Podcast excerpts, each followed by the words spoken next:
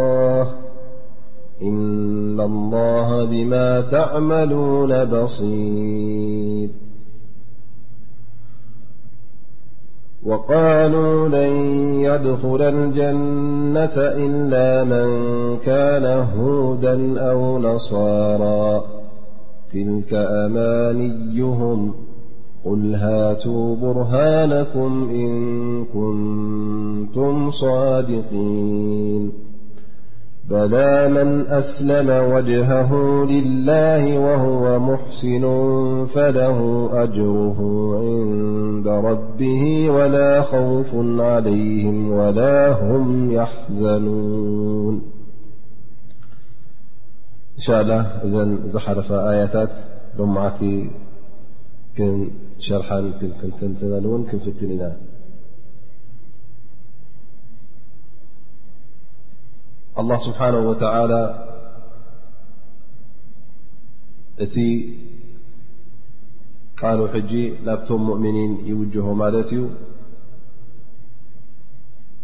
እቲ በኒ እስራኤል ዝገብርዎ ዝነበሩ ገለገለ ጠባያት ወይ ከዓ ገለገለ ባህርያት ርኢና ሕጂ እውን እቶም ሙእምኒን ገለ ካብቲ ጠባያት ወይ ከዓ ካብቲ ተግባራት ካብቲ ቃላት ናይ ኣይሁድን ናይ በኒ እስራኤልን ምናልባሽ ተጋግዮም ኣብዚ ጌጋ እዚ ዝወደቑ ስለ ዘለዉ ወይ እውን ብድሕሪ ሕጂ እውን ክወድቁ ስለ ዝኽእሉ ኣላ ስብሓን ወተላ ነቶም ሙእምኒን ፃውዒት የመሓላልፈሎም እሞ ያ ኣዩሃ ለذና ኣመኑ ኢሉ ይፅውዖም ማለት እዩ እዚ ፃውዒት እዚ ድማ ነቶም ኣህል ልኢማን ኣንቱም ዝኣመንኩም ኣንቱም ብኣላህ ዝኣመንኩም ብነቢይ ሙሓመድ صለ ላሁ ለ ወሰለም ዝኣመንኩም ኢሉ ኣላ ስብሓን ወተላ ክፅውዖም እንከሎ እዚ ንገዛእ ርእሱ ደስ ይብሎምን ባህ ይብሎምን ማለት እዩ ምኽንያቱ ኣላ ስብሓን ወተላ በዚ ሽም እዚ በዚ ጥዑሚ ሽም እዚ ክፅውዓካ እንከሎ ደስ ይብለካ ማለት እዩ እሞ እዚ ፃውዒት እዚ ክትሰምዕ ከለኻ እሞ ኣላ ስብሓን ወተላ ንዓኻ ፈልዩ ክጽውዓካ ከሎ ናይ ግድን ኣድላይ ነገር ኣሎ፣ ንዓኻ ዝጠቅም ነገር ኣሎ ማለት እዩ እሞ ጽን ኢልካ ክትሰምዕ ይግባእ ማለት እዩ። እንተ ደኣ ኣላ ስብሓን ወተዓላ ሓደ ሓበሬታ ሂቡካ እሞ እዚ ሓበሬታ እዚ ሰናይ ንክትገብር እንተ ደኣ ኮይኑ ነዚ ሰናይ እዚ ንክትክተል ነፍስኻ ቀጥ ኣቢልካ ትሕዛ ማለት እዩ። ወይ እውን እንተ ደኣ ካብ እከይ ክርሕቐካ እንተ ደኣ ኮይኑ ካብዚ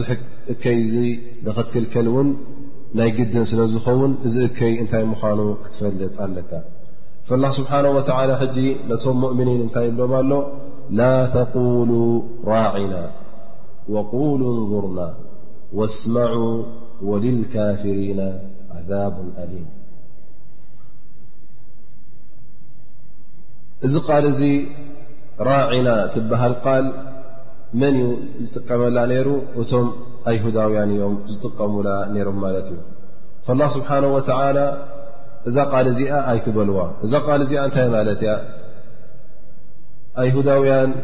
ንነቢና ሙሓመድ ለ ላ ለ ወሰለም ራዒና ይብልዎ ነይሮም ትርጉማ እንተ ክንሪያ ኮይና እንታይ ማለት እዩ ፅኒኢልካ ስምዓና ማለት እያ ብቋንቋ ዓረብ ግን ኣይሁዳውያን እንታይ ይገብሩ ነይሮም ወይ ነዛ ቃል እዚኣ ክጠውይዋ ይፍትኑ ነይሮም ጥውይ ኣቢሎም ካልእ ትርጉም ከም ትህብ ይገብርዋ ከምኡ ውን ገለ ዕለማ እብሉ እዛ ቃል እዚኣ ኣብ ቋንቋኦም ወይ ከዓ ኣብቲ ቋንቋ ናይ በኒ እስራኤል ካልእ ትርጉም እዩ ዘለዋ ትርጉማ የኣሕመቅ ወይ ከዓ ካብ ርዑና ማለት ሓደ ካብ ዕሽነት ተበገሰት እያ ብሉ ወይ ውን ትርጉማ እስማዕ ላ ሰሚዕታ ማለት ስምዓኒ ኣየስምዕካ ትብል ትርጉም ዝሓዘለት እያ ብቋንቁኦም ስለዚ ብቋንቁ ዓረብ ግን ምንም ሽግር የብላን ሕጂ እንታይ እዮም ዝገብሩ ነሮም እቶም ኣይሁዳውያን ነዚኣ ምስ ሰምዑ ነዚኣ ቃል እዚኣ ምስ ረኸቡ እባ እዚኣ እባ ፅብቕቲ ቃል ሕጂ ከይተፈለጠ ከሎ ቀደም ተሓቢእና ንነቢ ሙሓመድ ንፀርፎ ነርና ሕጂ ግን ኣግሂድና ክንፀርፎ ንኽእል ኢሎም መፂኦም ያ ሙሓመድ ራዕና ሰምዐክ ራዕና ክብልዎ ጀምሩ እዚ ሕጂ እሶም እቲ ቅኑዕ ትርጉም ደልዮም ኣይኮኑን እንታይ ደኣ ነቲ እከይ ትርጉም ስለ ዝደለዩ ነንሕዶም እና ተጠማመቱ እውን ይስሕቁ ነይሮም ማለት እዩ እዚ ካብቲ በኒ እስራኤል ዝገብርዎ ዝነበሩ እዩ እሞኒ ስለዚ ኣላ ስብሓን ወተዓላ ነዛ ቃል እዚኣ ግደፍዋ ኣይትበልዋ ኢሉ ነቶም ሙእምኒን ትእዛዝ የመሓላልፍ ማለት እዩ ያ ኣዩሃ ለذነ ኣመኑ ላ ተقሉ ራዕና ፅን ኢልካ ስምዓና ሳያ ሕጂ ነይራ ግን እታ ካልአይቲ ኣብ ክንደኣ ካልእ ቃል ኣምፅኡ ወقሉ እንظርና ምኽንያቱ እቲኣ ናይ ፅርፊ ኣፍ ደገ ስለ ዝኸፈተት እቶም ኣይሁዳውያን በቲ ዲንኩምን በቲ ነቢኹምን ክላገጹላ ስለ ተረኽቡ ስለዚ እስኹም ውን እዛ ቃል እዚኣ ኣይትበልዋ ስለዚ እተ እዚኣ እቶም ሙእምኒን ተኸልኪሎም ድማ ድሕሪ ሕጂ እቶም ኣይሁዳውያን እውን ክብልዋ ኣይክእሉን እዮም ምኽንያቱ እታ ጉዳይ ተኸሽፋን ተኸሽሓን ማለት እዩ ስለዚ እቶም ኣይሁዳውያን እውን ካብኣ ክቁጠቡ እዮም እቲ ኣብ ልቦም ሓሲቦሞ ዝነበሩ እቲ እከይ እቲ ኣብ ልቦም ዝነበረ ሕማቅ ቅርሕንቲ ከም ድላዮም ክፀርፉን ከም ድላዮም ከካፍኡን ዝሓስቦ ዝነበሩ ኣላ ስብሓን ወተላ ነዚ ጉዳይ እዙ ካብ ሱሩ ክምንቆር ስለ ዝደለዮ ነቶም ሙእምኒን ንገዛእ ርእሶም እዛ ቃል እዚኣ ግደፍዋ ንነቢ ሙሓመድ ለ ላ ለ ወሰለም ራዒና ትብል ቃልሲ ኣይተውፅኡ ካብ መልሓስኩም ኣብ ክንደኣ ካልእ ኣላሃኩም ወቁሉ እንظርና ተፀበየና ወይ ቀስ ኢልካ ስምዓና ኢልካ እሳ ታዝሓሸት ኢሉ ኣላ ስብሓን ወተላ የመሓላልፍ ማለት እዩ ትእዛዝ እዚ ድማ ካልእ ትርጉም ክበና እተ ኮይኑ ኣስላም ኩሉ ግዜ እቲ ዝመርፅዎ ቃላት ጥዑም ቃል ክኸውን ኣለዎ ከምኡ ውን ምስ ነብዮም ክዛረብ እንከሎ ብክብረት ክዛረብ ከም ዘለዎ ዘርኢ ማለት እዩ ከምኡ ውን እንታይ የርእየና ጠባይ ናይ በኒ እስራኤል ኩሉ ግዜ ካብ ዝኾነ ቃል ንዝኾነ ቃል ይጠዋውዎ ነሮም ቀደም ውን ኣብ ግዜ እቲ ኣንቢያኦም ክመፁ ከሎ ወይ ከዓ እቲ ክታብ እቶም ዝወረዶም ውን ይጠዋውዎን ከም ድላዮም ታሕሪፍ ነናቶም ናቶም ቃል የእትውሉ ስለ ዝነበሩ ተግባሮም ኩሉ ግዜ ነዚ ቃላት ታሕሪፍ ምግባር ወይከዓ ንቃላት ምጥዋይ ንቃላት ምብልሻው ስለ ዝነበረ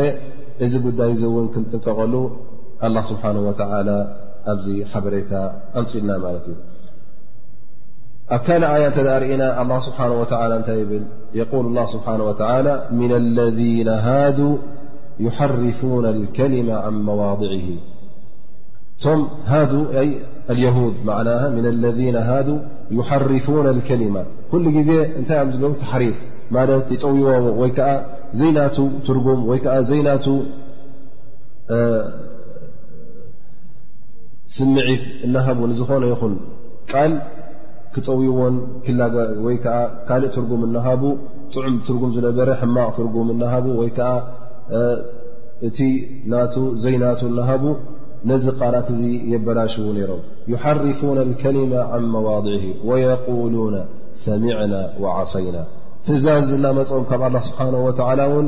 እናሰምዕዎ ከለዉ ኣብ ክታቦም ወሪዱ ከሎ እናንበብዎ ከለዉ ነዚ ቃል እዚ ቀጥ ኣቢሎም ይሕዝዎ ይነበሩን እንታይ ደኣ ኩሉ ግዜ ዘይምምእዛዝ እዮም ዘርእዩ ነይሮም ማለት እዩ ማዕስያ ይገብሩ ነሮም ሰሚዕና ወዓሰይና እቲ ዝበሃል ዘሎ ቃል ንሰምዖ ኣለና ግን ኣብ ግብሪ ነውዕለኢና ኢሎም ይነፅግዎ ነይሮም ማለት እዩ እናሰምዕዎ ከለዉን እናንበብዎ ከለዉ ነቲ ቃላት ወይ ኣብኡ ከለዉ ይነፅግዎ ወይ እውን ኣብኡ ነዚ ቃል እዚ ጠውዮም ካልእ ትርጉም ስለ ዝብዎ ነቲ ተዋህቦም ቃል ሕጂ ብቕንዕና ይሓዝዎን ማለት እዩ እንታይ ደኣ ዓስዮሞ ማለት እዩ ምኽንያቱ ነቲ ቕኑዕ ትርጉም ኣየቆምዎን ወስማዕ غይረ ሙስመዕ ወራዒና ለየን ብኣልሲነት እም እዚኣ ውን ኣብ ካልእ ሱራ ዝመፀት እያ ከምኡ እዚ ቃል እዚ ይብሉ ከም ዝነበሩ ወስማዕ غይረ ሙስመዕን ንነቢና ሙሓመድ ለ ላ ሰለም ን እዛ ቃል እዚኣ ይብልዎ ከም ዝነበሩ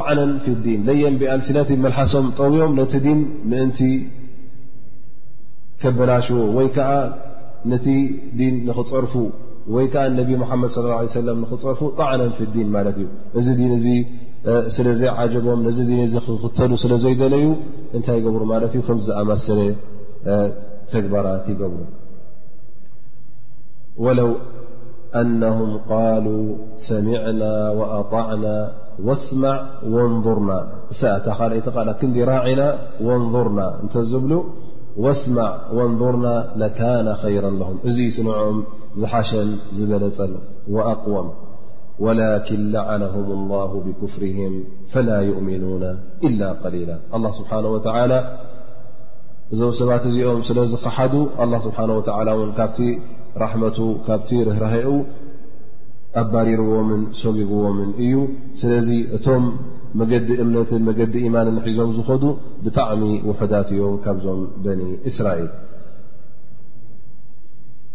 ካብቲ ባህርያት ናይ በኒ እስራኤል ን ኣብቲ ግዜ ነቢና ሙሓመድ ለ ላ ለ ወሰለም ዝገብርዎ ዝነበሩ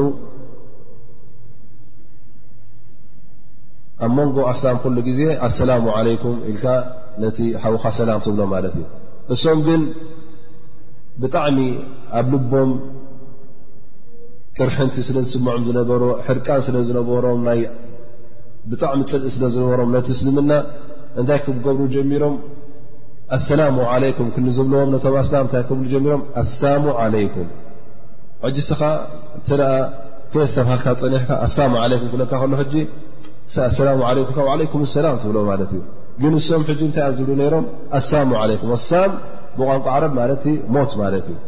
ሞት ንዓኹም ኢሉ ዱዓ ገብር ኣለዋ ሕጂ ስኻ ሰላም ኢሉ ልልካ ሕጂ ጥዑም ሰላም ትበል ስለዚ ኣብቲ ግዜ ነቢና ሓመድ ስ ሰለ እዚ ንገብሩ ስለ ዝነበሩ ነቢና ሓመድ ስ ሰለም ነዚኦም ዓለይኩም ኢልኩም መልሱሎም ኢሎም ስለምንታይ እንተ ደኣ ጥዕምቲ ኣሰላም ኢሉ ኮይኑ ዓለይኩም ትብሎ እታ ሰላም ትመልሰሉ ኣለኻ ማለት እዩ ከምታ መልሓሱ እንተ ካልእ ቃል ኣውፅኡ ግን ኣሳም ኢሉ ግን ዓለይኩም ትብሎ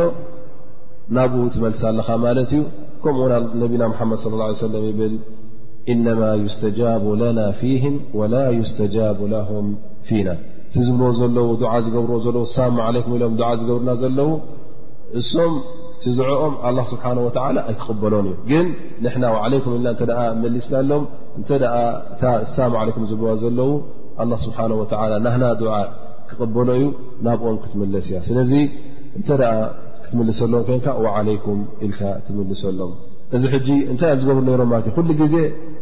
ባህርያቶም ነይሩ ማለት እዩ እዚ ዘረባ ልውጥ ኣቢልካ ቅይር ኣቢልካ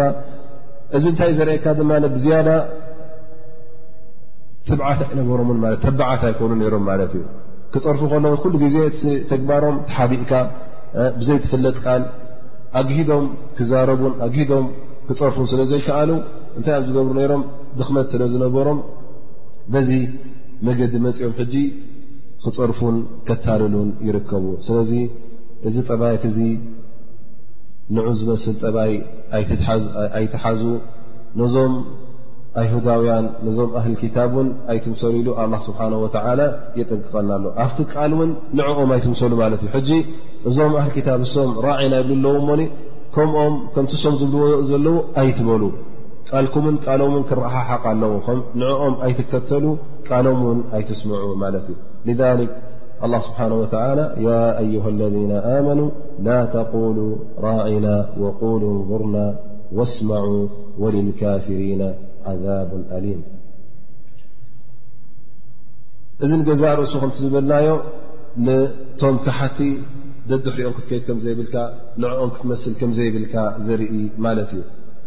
ኽ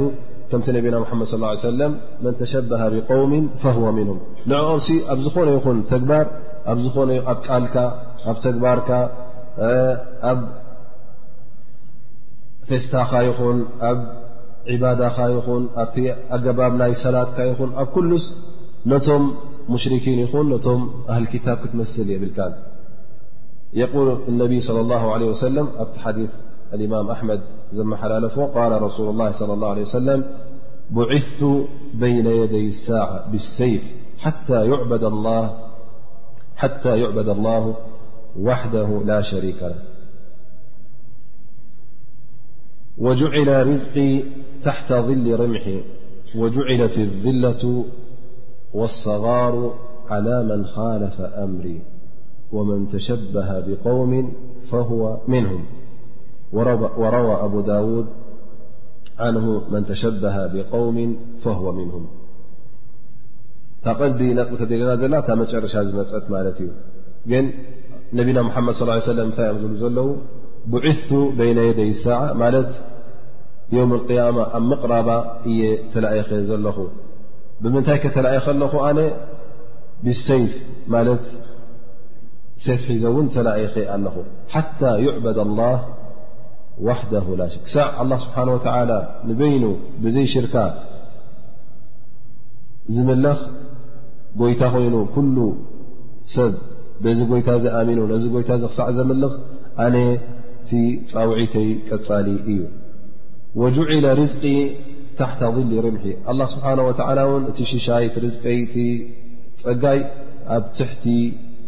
ኩናተይ ኣብ ትሕቲ ጽላል ኩናተይ ገይሩለይ እዩ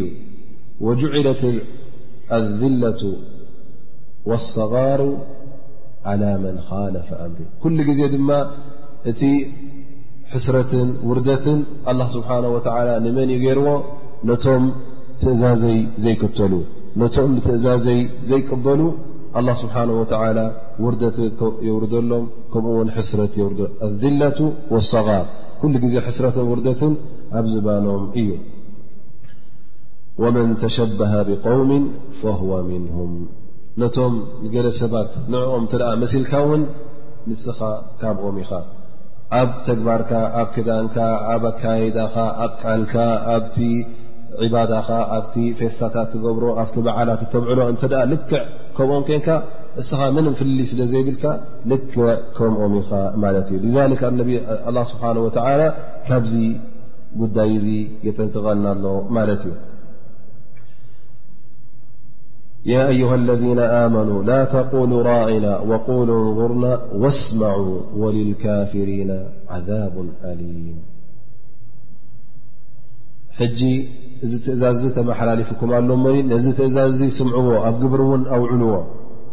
ማለት ኣላ ስብሓን ወተላ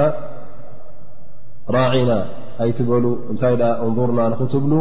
ንነቢና ሓመድ ስ ሰለም ትዛረብዎም ከለኹም በዚ ቃል እዚ ተዛረብዎም ደኣ እበር እቲ ኣይሁዳውያን እቶም ኣህል ክታብ ዝልዎ ዝነበሩ ቃል ንዕኡ ግደፍዎ ተባሂልኩም ኣለኹም ስለዚ ነዚ ቃል እዚ ድማ ስምዕዎ ተኸተልዎ ኣብ ግብሪ ውዕልዎ ነዚ ትእዛዝ ኣላ ስብሓን ወተላ ዘመሓላለፈልኩም እውን ከይትነፅግዎ ምኽንያቱ ነቶም ዝኸሓዱ ቢልካፍሪን ነቶም ትእዛዝ ኣላ ስብሓን ወተዓላ ዝኽሕዱ ኣላ ስብሓን ወተዓላ እንታይ ዩ ዘፀብዮ እንታይ ኣቐሚጡሎም ዘሎ ወልልካፍሪና ዓዛቡን ኣሊም ዓዛቡን ኣሊም ማለት ከዓ ብጣዕሚ ወይከዓ ኣዝዩ ኣቐንዛዊ ዝኾነ ስቓይ ኣለዎም ማለት እቶም ካሓቲ እቶም ትእዛዝ ኣላ ስብሓን ወተዓላ ዘየኽብሩ እቶም ዘይምእዘዙ ኣላ ስብሓን ወተዓላ ነዚኦም ስቓይ ኣዝዩ ኣቐንዛዊ ዝኾነ ስቓይ ኣዳልዩሎም ኣሎ።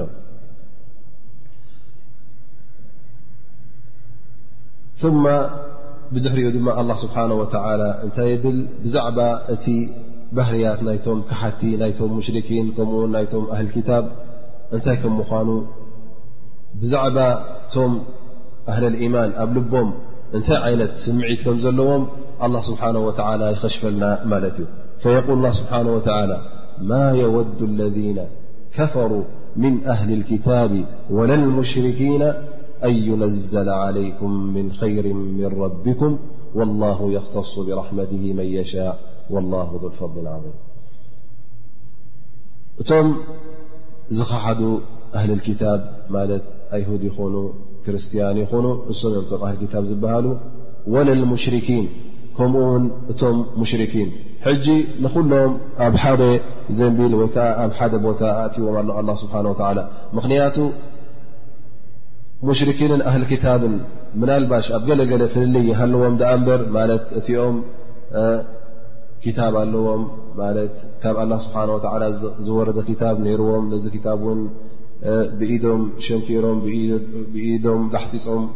ይቀያይሮ ድኣ እምበር እዚኦም ነብይታት ዝኽተሉ ዝነበሩ ገለገለ ውሳኔታት ብኦም ዝመፀ ፍልይ ዝበለ ውሳኔታት ኣሎ ሙሽርኪን ድማ ብኣላ ስብሓን ወተላ ዘይኣምኑ ፍሉጥ ክታብ ዘይብሎም ወይ ከዓ ካብ ኣላ ስብሓን ወተላ ዝወረደ ክታብ እውን የምለቡን ግን ባዕሎም ዝመሃዝዎ ሃይማኖት ወይ ከዓ ባዕሎም ዝመሃዝዎ ዲን ሒዞም ዝኸዱ ዝነበሩ እዮም ኣብ ገለገለ ጉዳያት እውን ካብቶም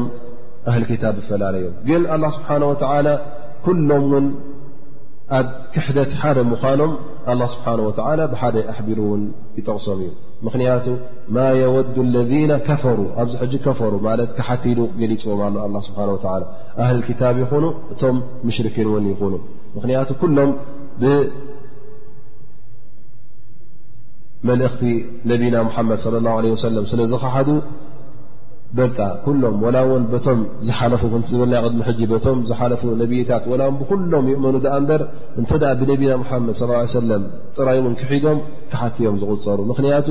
ጥራይ ብነቢና መሓመድ ኣይኮኑ ክሒዶም በቲ ምስኦም ዘሎ ክታብት እውን ክሒዶም ማለት እዩ ምክንያቱ ኣላ ስብሓን ወተላ ኣብ ተውራት ይኹን ኣብ እንጅል ይኹን ኣብቶም ዝሓለፉ ኣንቢያ ኣብ ቃላቶም ኩሎም ነቢና ሙሓመድ ለ ላ ለ ወሰለም ክልኣኽ ከም ምዃኑ እስልምና ክመፅእ ከም ምዃኑ ኩሎም ነቶም ህዝቦም ወይ ከዓ ነቲ እማ ናቶም ውን ኣበሲሮሞ እዮም ነይሮም ስለዚ እቲ ብነቢና ሙሓመድ ስ ሰለም ክሕደቶም ጥራይ ብነቢና ሙሓመድ ኣይኮነን እንታይ ደኣ በቲ ኣብ ኢዶም ዘሎ ክታብ ውን ይክሕዱ ኣለዉ ማለት እዩ ምክንያቱ በቲ ክታቦም ኣይኣመኑን እቲ ንነቢና ሙሓመድ ለ ላ ሰለም ዝውድስን ንነቢና ሙሓመድ ለ ላ ለ ወሰለም ዘብርህን ቃላት ኣብኡ ዘሎ ንዕኡ እውን ነፂጎሞ ስለ ዝኾኑ እንተ ሓደ ሰብ ውን ካብ ክታብ ቁርን ይኹን ካብ ዝኾነ ክታብ ኣላ ስብሓን ወላ ዘውረዶ እንተ ሓንቲ ትእዛዝ ነፂግካ ዳርጋ ኩሉ ዝነፀግካዮ ማለት እዩ ምኽንያቱ እቲ ትእዛዛት ካብ ኣላ ስብሓን ወላ እዩ ወሪዱ ኩሉ ሚት ትእዛዝ ወሪደ ተበልና ንኣብነት ኣነስ ንሓንቲ ንክልተ ኣይኣምነለን እየ እተ ኢልካ ምንም ረብሓ የብሉን ምኽንያቱ እተን ተስዓን ሸሞንተን ተስዓን ትሽዓተን ትእዛዛት ዘመሓላለፈልካን ነዛ መላእታ ሚእቲ ዘመሓላለፈ ነዚ ሓንቲ ትነፅጋ ዘለኻን ሓደ ስለ ዝኾነ ሓደ ኣላ ስለ ዝኾነ እሱ እውን ክብሩን ልኡልነቱን ሓደ ስለ ዝኾነ እስኻ ነታ ሓንቲ ትእዛዝ ምንፃእካ ኣይኣምንላን እተ ኢልካ ብኩሉ ኣይኣመንካን ማለት እዩ ስለዚ እዞም ኣይሁዳውያን እዞም ክርስትያን ተውራትን እንጂልን ኣብ ኢዶም ይሃሉ ኣ በር ኣህል ክታብ ይቆፀሩ ኣ እምበር እዞም ሰባት እዚኦም እተ ብነቢና ሓመድ ص ሰለ ዘይኣምኑ ኮይኖም ክሓትዮም ዝቁፀሩ ማለት በቲ እምነቶም ኣይመለአን ማለት እዩ በቲ ነቢና ሓመድ ካተመ ነቢ ናይ መጨረሻ ኣንቢያ ናይ መጨረሻ ልኡኻን ዝኾነ ነቢና ሓመድ ص ه ለ ሰለም ስለ ዘይኣመኑ ክሓቲ ይቁፀሩ ማለት እዩ እቶም ሙሽርኪን እውን ብነቢና ሓመድ ሰለ ስለዘይኣመኑ ክሓቲ ተቆፂሮም ማለት እዩ ኣላ ስብሓን ወተዓላ እዞም ሰባት እዚኦም እዞም ክሓቲ ኣይሁዳውያን ይኹኑ ክርስትያን ይኹኑ ሙሽርኪን ይኹኑ ኣብ ልቦም ኣዝዩ ዓብ ዝኾነ ፅልኢ እዩ ዘሎ ንዓኹም ኸይር ይኹን ሰናይ ይኹን ንኽመፀኩም ሲ ፈፂሞም ኣይፈትዉን እዮም ይብል ኣላ ስብሓን ወተዓላ ማ የወዱ ለذነ ከፈሩ ኣይ ማ ይሕብ ኣይፈትዉን እዮም ማለት እዩ ማ የወዱ ለذነ ከፈሩ ምን ኣህሊ ልክታብ ወልሙሽርኪና ኣን ዩነዘለ ዓለይኩም ምን ኸይር ምን ረቢኩም ኣይ ኣን ዩነዝለ ዓለይኩም ምን ኸይር ማለት እዩ ሰናይ ካብ ኣላ ስብሓን ወላ ክወርደኩም እቲ ዝዓበየ ር ድማ እንታይ እዩ ነይሩ ዲን ኣልእስላም እቲ ዝዓበየ ር እንታይ እዩ ነይሩ ነቢና ሙሓመድ ለ ላ ለ ወሰለም ካባኹም ነቢ ክኸውንን እስልምና ክመፃኩምን ውሓይ ክወርደኩምን ሲ ፈፂሞም ኣይፈትውን እዮም ምኽንያቱ ርኩም ስለ ዘይደልዩ ኣንፃርኩም ስለ ዝኾኑ ተጠንቀቑ እዞም ሰባት እዚኦም ኣይፈትዉኹምን እዩን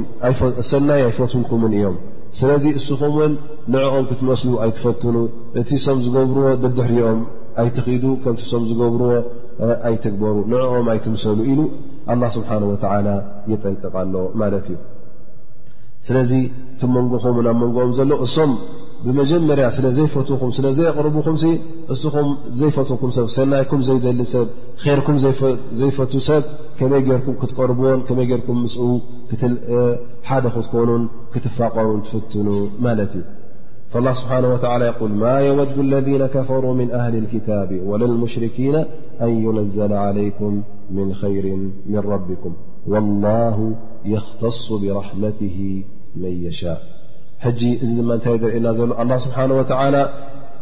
እቲ ሰናዩ፣ እቲ ኼሩ፣ እቲ ራሕማናቱ፣ እቲ ርህራሀኡ፣ እቲ እስልምና፣ እቲ መገዲ ሓቂ ንመን እዩ ዝቦ? ንዝደለዮ ሰብ እዩ ዝቦ። ግን ንፍሉያት ሰባት እውን ሂብዎ ኣሎ። ኩሉ ኣብ ዓለም ዘሎ መገዲ ሓቂ ሒዙ ማለት ኣይኮነን።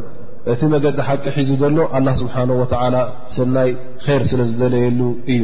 እዚ ሕጂ እስኻ እንታይ ክትገብር ዘለካ ነዚ ር ሒዝካ ንኣላ ስብሓ ወ ክተመስግን ይግባእ ኣልሓምዱላ ክትብል ይግባእ ኣነስ በዓል ዓብ ሽሻይ ኣላ ስብሓ ወላ ዓብ ሽሻይ ዓብ ፀጋ ዩ ሂቡና ዘሎ እዚ እስልምና እቶም ክሓቲ ዝሓስዱና ዘለዉ እዚኦም ሰናይ ረኪቦም ኢሎም ብጣዕሚ ኩምትር ኢሎም ዝሞቱ ዘለዉ ነዚ ሰናይ ዚ ስለ ዝሓዝና ኢልካ ኣልሓምዱላ ኢልካ ነዚ ሰናይ ወይከዓ ነዚ እስልምና ነዚ መገዲ ሓቂ ቀጥ ዓቢልካ ክትሕዞ ኣን ስብሓ ወላ ወላ የኽተሱ ብራሕመት መን የሻእ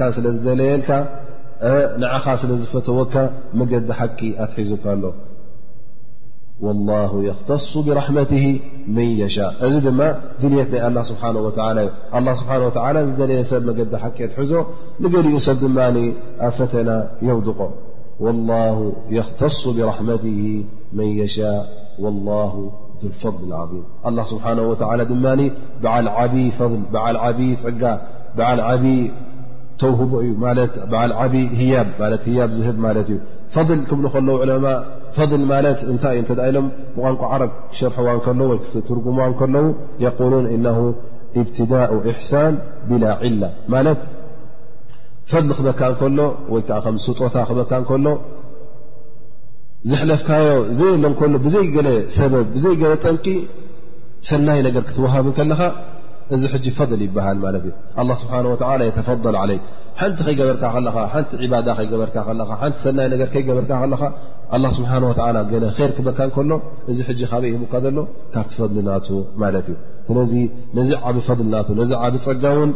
ንሕና ተጠንቂቕና ክንውሕዞ ኣለና። ነዚ ኣላ ስብሓን ወተዓላ ዝሃበና እስልምና፣ ነዚ ኣላ ስብሓን ወተዓላ ዝመረጸልና መገዲ፣ ነዚ ኣላ ስብሓን ወተዓላ ዝሃበና ነቢ እናኽበርናን ትእዛዛቱ እናሰማዕናን እሺ ኢልና እናተቐበልናን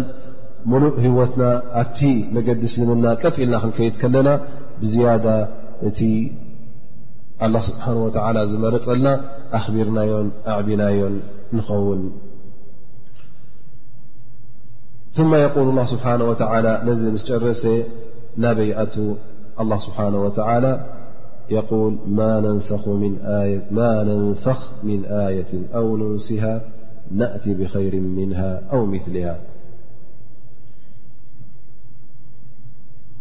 ኣለም ተዕለም ኣና ላሃ ዓላ ኩል ሸይ ቀዲር ዑለማ ይብሉ ገሊኦም እዛ ኣያ እዚኣ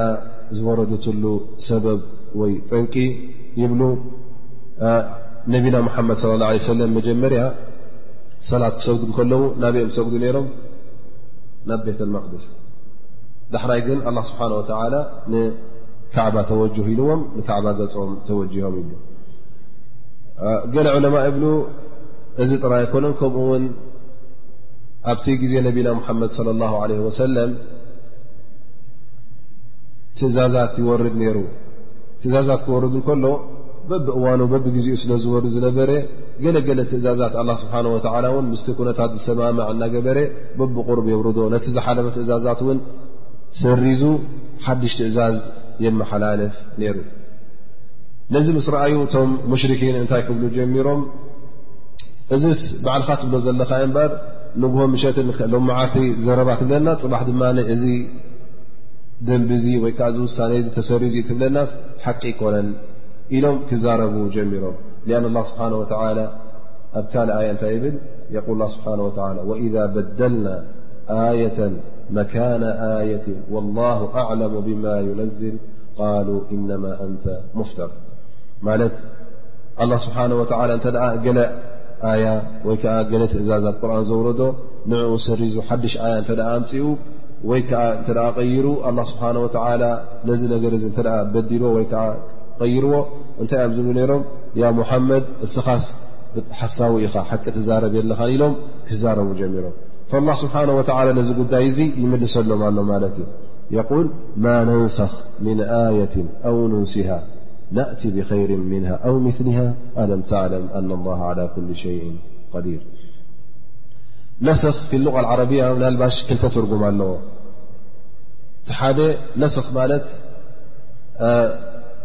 ምቕዳሕ ማለት እዩ ከምዚ ሕጂ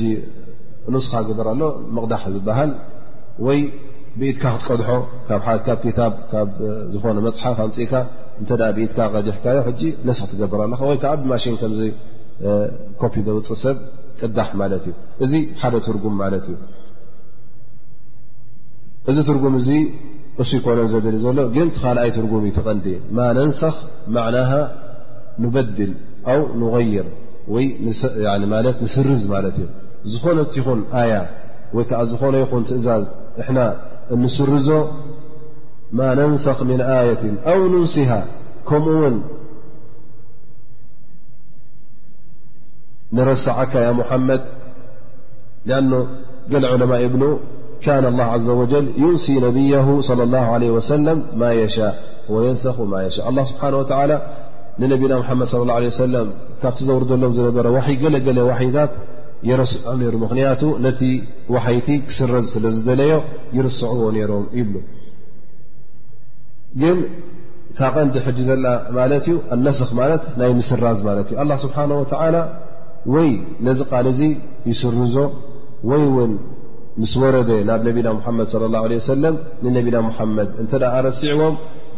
ንምንታይ ዝገብር ነይሩ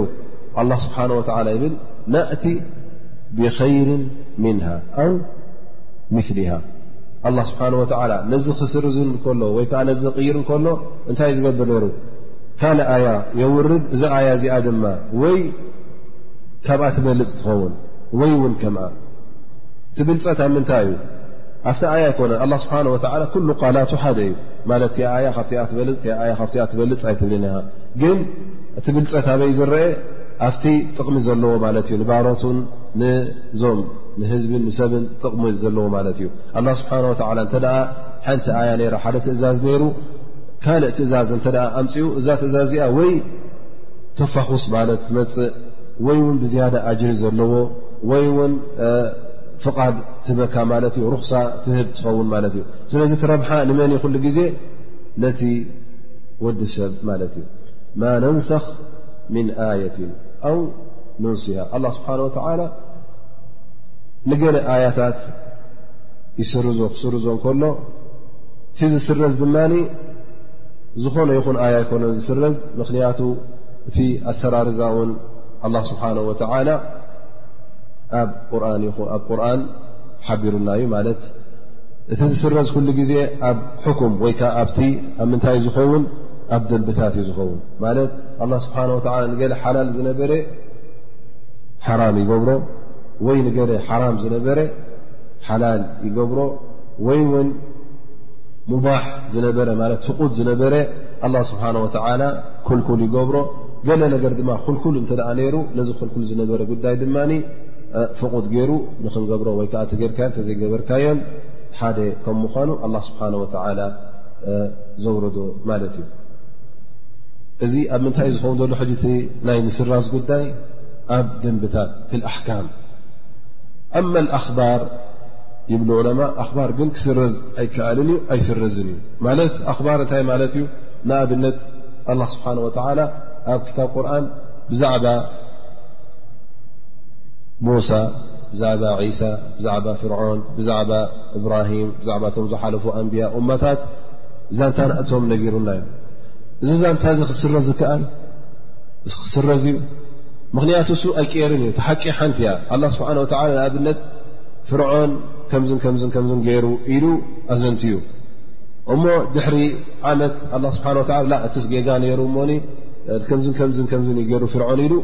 እዚ ዘይከውን እዩ ذ ዑለማ እብሉ እቲ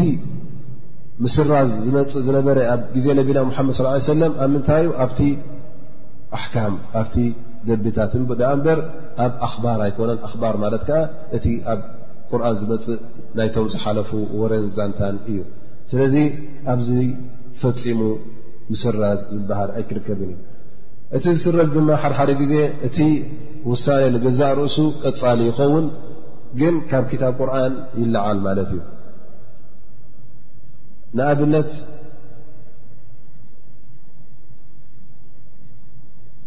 ሓድ ኣዛኒ ናይ ዝዘመዎ ሰብ ፍርዱ ኣብ ቁርን ዘላ ሕጂ እቲ ዝዘመወ እንተ ዘይተመርዓወ ኮይኑ እዩ ተመርዓወ ግን ፍርዲ ናቱ ንኣብነት ረጅም እዩ ረጅም ማለት ብእምኒ ምቕጥቃጥ ማለት እዩ ተመርዓዊ ሰብ ወይከዓ ተመርዓወት ሰበይቲ ሰብኣይ ይኹን ሰበይቲ እተ ዘሚዎም ፍርዶም ክቐተሉ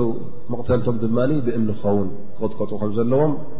እዚ እዩ ማለት እዩ ኣብ እስልምና እዚ ውሳኔ እዚ ክሳዕ ሕጂ ኣብ ግብሪ ይካየድ ነይሩ ወይከ ኣብ ግዜ ነቢና ሙሓመድ ስ ሰለም ይካየድ እዩ ግን ኣብ ክታብ ቁርን መጀመርያ ክወርድ እንከሎ እዚ ውሳኔ እዚ ይቕራእ ነይሩ ማለት እዩ እዛ ኣያ እዚኣ ይብሉ ዑለማ ኣሸይኹ ወሸይኸቱ ኢዛ ዘነያ ፈርጅሙሁማ ኣልበታ ትብል ነይራ እዛ ኣያ እዚኣ ካብ ክታብ ቁርን ካብ ንባብ ተሰሪዛ ግን ካብ ግብሪ ኣይተሰረዘትን ኣብ ግብሪ ቀፃሊት እያ ይብሉ ገለገለ ውሳኔታት ድማ ኣብ ንባብ ኣሎ ንቀርኦ ኢና ማለት እዩ ኣብ ቁርን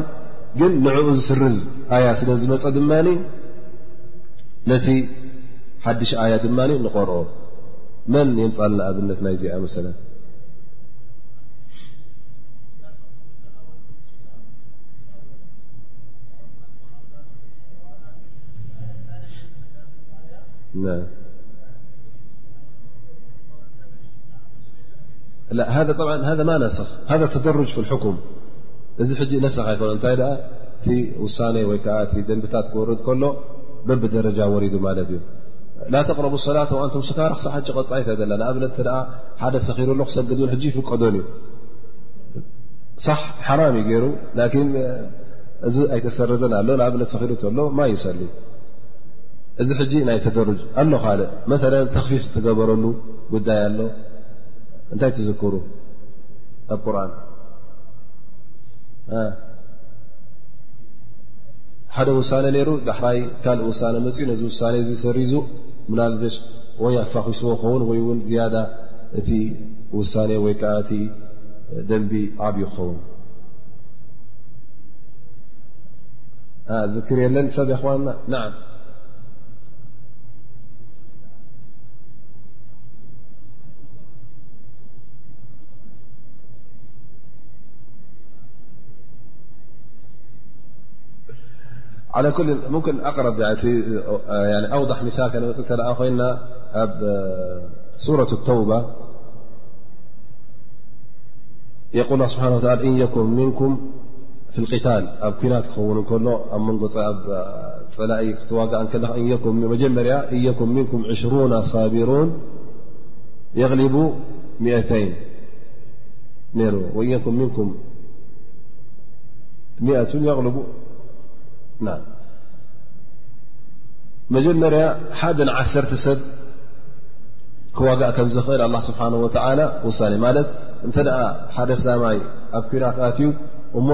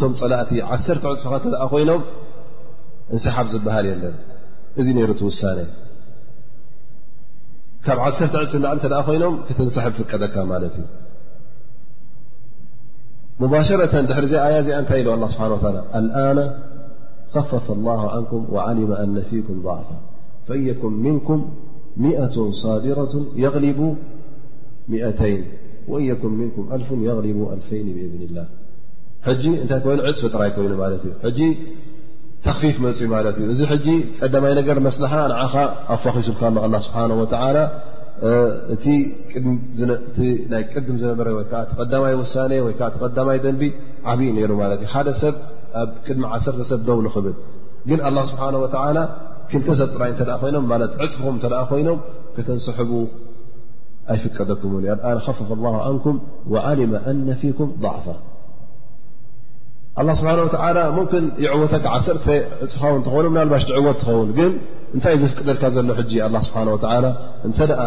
እቲ ወተሃደር እቶም ፀላእቲ ቅድሚኹም ዘለዎ ዕፅፍኹም እተ ኮይኖም እንስሓብ ዝበሃል የለን እንስሓብ እተ ገርካ ሕጂ ተወልዮም ዝሓፍ ቁፅር ማለት እዩ ክንዳኻ እተ ኮይኖም ክንዲ ቁፅርኻ ወይ እውን ክንዲ ዕፅፍኻ እተ ኮይኖም ኩናት ክትቅፅር ኣለካ ማለት እዩ ግን ካብኡ ንላዕሊ ሰለስተ ዕፅፊ ዓሰርተ ዕፅፊ ሓሙሽተ ዕፅፊ እተ ኮይኖም እስኻ ምናልባሽ ኣብዚ ክተንሰሕብ ይፍቀደካ ማለት እዩ ስለዚ ሕጂ እዚ ሓደ ውሳነ ኣላ ስብሓን ወተላ ኣውሪድዎ ነይሩ እሞ ራሕማ ናቱ ስለ ዝኾነ ብርህራሃ ናቱ ስለ ዝኾነ ንዓኻ ይኸብደካ ምዃኑ ስለ ዝፈለጠ ኣላ ስብሓን ወተላ ኣፋኺሱና ከምኡ ውን ካልእ ኣይትዝክሩ ገለ ካብ ሓምሳ ናብ ሓሙሽተ ዝወረደ እዚ ሕጂ ኣብ ሱና ማለት እዩ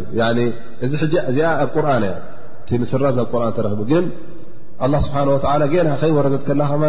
ሰሪዙልና ዮ ሓምሳ ሰላት ተኣዚዞ መጀመርያ ነቢና ሙሓመድ ስ ሰለም እተ ሓምሳ ትእዛዝ ሒዞሞ እናወረዱ ከለዉ ሰይድና ሙሳ ረኪቦሞም ማለት እዩ ሰይድና ሙሳ ከምዚ ዝረኣናዮም ትዒቦም እዮም ብዙሕ ሽግር ስለ ዘጓነፎም ብ መሓመድ ኢሎም ዞም ህዝቢ ኢሎም ሙትዒቢ ነብስ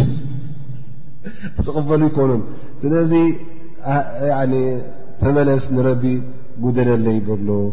ኢሎም ክልተ ሰለስተ ሻዕ መሊሶሞ ካብ ሓምሳ ሓሙሽተ ጎደ ምኽንያቱ እቲ ዛንታ ናይ በኒ እስራኤል ርኢኹሞ ክንደይ ሽግርን ክንደይ ተዓብን ነቢና ሙሳ ስለ ዘርኣይዎም ክብራ ስለ ዘለዎም ነቢና ሙሳ ዓለ ሰላም ነቢና ሓመድ ስ ሰለም እዚ ነገር እዚ ኣቕሲሞሞ እሞ ከዓ ካብ ሓምሳ ናብ ሓሙሽተ ወሪዱ ማለት እዩ ጌና እቲ ውሳኔ መሬት ከይበፅሓ እንከሎእውን ተሰሪዙዋል ከምዚ ዝኣመሰለ ኣሎ ማለት እዩ ሕጂ እቲ ኣብ እስልምና ዝመፀ ግን እዚ ምስራ እዚ ድማ ሕጂ ዝስረዝ የለን ይኸዋንና ምናልባሽ እቲ ሸርዒ እስልምና ይስረዝ እዩ ተበልና ኣብ ግዜ ነቢና ሓመድ ስ ዋሓይ እናወረዶ ከሎ ዩ ዳኣ እምበር ብድሕሪ ነቢና ሓመድ ኣየውማ ኣክመልቱ ለኩም ዲነኩም ምስ በለ ስብሓ እቲ ዲን ምስ መላኣልና ምስ ሰትመሞን ምስ ጨረሶን ምፉኻስ ዝበሃል የለ ምስራዝ ዝበሃል የለ ምኽንያቱ መን እዩ ዝስርዝ እቲ ዝኣዘዘ እዩ ዝስርዝ ኣላ ስብሓን ወተላ እሞ ሕጂ ነቢ ዝመፅ የለ ተኻተሚ ነቢ እቲ ናይ መጨረሻ ዝነበረ መጨረሻ ነቢ ነቢና ሙሓመድ ለ ላ ሰለም እዩ እሶም ድማ ሞይቶም እዮም ማለት እዩ ስለዚ ምናልባሽ ኣነ ብሕልሚ ርኤ ኢልካ ወይ ከዓ ከምዚ ዝኣመሰለ ስምዒት ተሰሚዑኒ ኢልካ እዚኣ ፍርዲ ዘነበረ እዛ ውሳነ ዝነበረት ኣናሃፋ ኩስዋ ኣሎ ወይ ከዓ ሓዳሽ ዲን ሓዳሽ ዒባዳ ኣላ ኢልካ ከተመፅእ ከለካ ሕጂ መእተዊ የብላን ማለት እዩ ስለዚ ክትስርዝ ኣይትኽእል ማለት ክትድምስስ ኣይትኽእል ካብቲ ውሳኔታት ዘሎ ክትውስኽ እውን ኣይከኣል እታ ዘላ ኣላ ስብሓን ወተላ ምልእቲ ዘይጎደለት ገይሩ ኣቕሪቡልና ዘሎ ምሉእ ዘይጎደሎ እስልምና ገይሩ ወይከዓ ምሉእ ዘይጎደሎ ክታብ ቁርን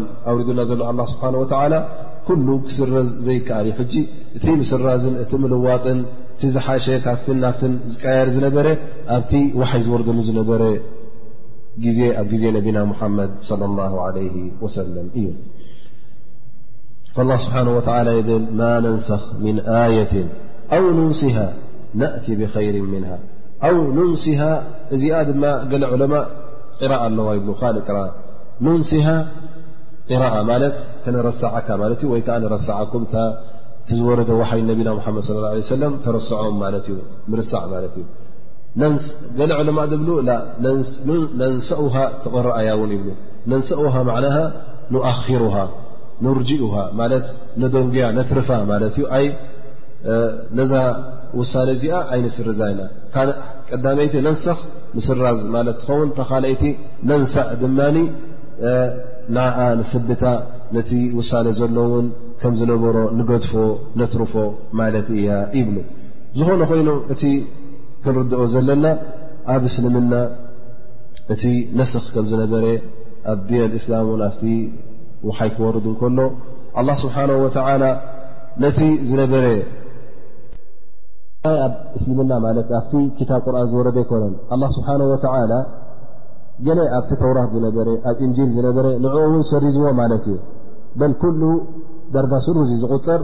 ግን ኣሎ ገለገለ ውሳኔታት ልክዕ ከምቲ ግዜ ሙሳ ዝነበረ ከምቲ ኣብ ግዜ ነቢና ዒሳ ዝነበረ ዝቕፅል ኣሎ ማለት እዩ ግን ምናልባሽ ኣብ ገለገለ ይፈላለ ከም ንኣብነት እተ ርእና ሻሃር ረመዳን እተ ርእና ወይ ከዓ ስያም እተ ርእና ንሕና ንፀሞ ኢና ቅድሚ ሕጂ ውን ጾም ነይሩ ግን ከመይ ምዃኑ ይንፈልጥን ግን ትጾም ቀጻሊ ኣሎ ማለት እዩ ግን ኣብ ዝኾነ ሸሪዓ ውን ክፈላለ ይኽእል እዩ ኣላ ስብሓን ወተላ ኩቲባ ዓለይኩም ስያሙ ከማ ኩቲባ ዓላ ለዚና ምን ቀብሊኩም ልክዕ ንዓኹም ፈርዲ እዩ ከምቲ ቅድሚ ሕጂ እውን ንካልኦት ነቶም ቅድሚኹም ዝነበሩ ፈርዶም ዝነበረ ማለት እዩ ወይ ከዓ ከምቲ ግዴታ ዝነበረ ንኦም ውን ንዓኹም ግዴታ ገርናዮ ኣለና ስለዚ ገለገለ እውን ዝተርፍ ኣሎ ካብቲ ዝሓለፈ መልእኽትታት ወይ ከዓ ካብቲ ዝሓለፈ ክታብቲ በዓል ተውራት በዓል እንጂል እሱ እውን በዚ ክታብ ቁርን እውን ተሰሪዙ ማለት እዩ ብዓብኡ ሕጂ ክኣምን እንተ ኮይኑ ሓደ ሰብ ብምንታይ ክኣምን ዘለዎ ብክታብ ቁርን ወላ እታ ተውራት እታ ቀንዲ ተውራት ኣላ ስብሓን ወተላ ዘወረዳ እንተ ረኪብካያ ሕጂ ማለት እቲ ናይ ኣይሁዳውያን ኢድ ዘይኣተዋ ፅሪይቲ ተውራት ልክዕ ከምቲ ኣላ ስብሓን ወላ ዘወረዳ እተ ተረኪባ እሞ ሓደ ሰብ ሕጂ እዚኣስ ክታብ ረቢ ስለ ዝኾነት ንዓኣ ክትል እተ ኢሉ ንቕበሎ ዶ ይንቕበሎ ኣይንቕበሎ ኢና እሳ ሓቂ እያ እዚ ዘባእስ ኣይኮነን ሓቂ ከም ምዃና ንኣምን ንብሎ ንሕና እውን ክኣምን ኣለካ ሓቂ ኮነትን ኣይትበል ግን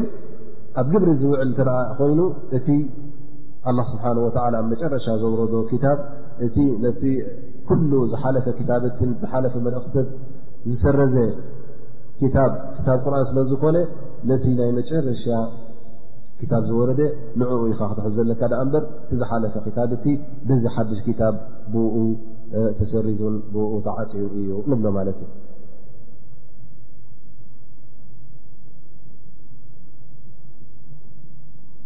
ናእቲ ብኸይር ምንሃ ኣው ምሊሃ ከምታ ዝበልናዮ ኣላ ስብሓን ወተዓላ ውሳነ ከወረዱ ከሎ ወይ ከምቲ ዝበልናዮ ልክዕ እቲ ውሳነ ከምኣ ይኸውን ምሊሃ ማለት እቲ ጥቕማን ረብሓኣን ልክዕ ከምኣ ይኸውን ወይ ውን እቲ ጥቕማን ረብሓኣ ንዓኻ ኣንታ ወዲ ሰብ ብሉፅን ዝያዳን ይኸውን ዝያዳ ኣጅሪ ምናልባሽ ትረኽበሉ ይኸውን ወይ ውን ከምቲ ዝበልናዮ እቲ ጉዳይ ከቢድ ዝነበረ ክተፋኹሰልካ ተኽእል ወይ ውን ተኸልኪልካዮ ዝነበርካ ኣላ ስብሓን ወተዓላ ሩኽሳ ክበካ ወይ ከዓ ፍቓድ ክበካ ከሎ እዚ ሕጂ ንዓኻ ጥቕሚ ተረኺብዎ ማለት እዩ ثመ የቁል ላ ስብሓን ወተላ ኣለም ተዕለም ኣና ላሃ ዓላ ኩሉ ሸይን ቀዲር ሕጂ ከምቲ ዝበልናዮ ሕጂ እዚ እንታይ እዩ ነቶም ነስኽ ዝበሃል የለን ከመይ ገይሩ ኣላ ነቲ ቅድሚ ሕጂ ዝበሎ እንደገና መፅኡ ስርዞ ኢሎም ንገዛእ ርእሶም እቶም ኣይሁዳውያን እቲ ቀንዲ ነቲ እስልምና ንኽካትዑ ወይ ከዓ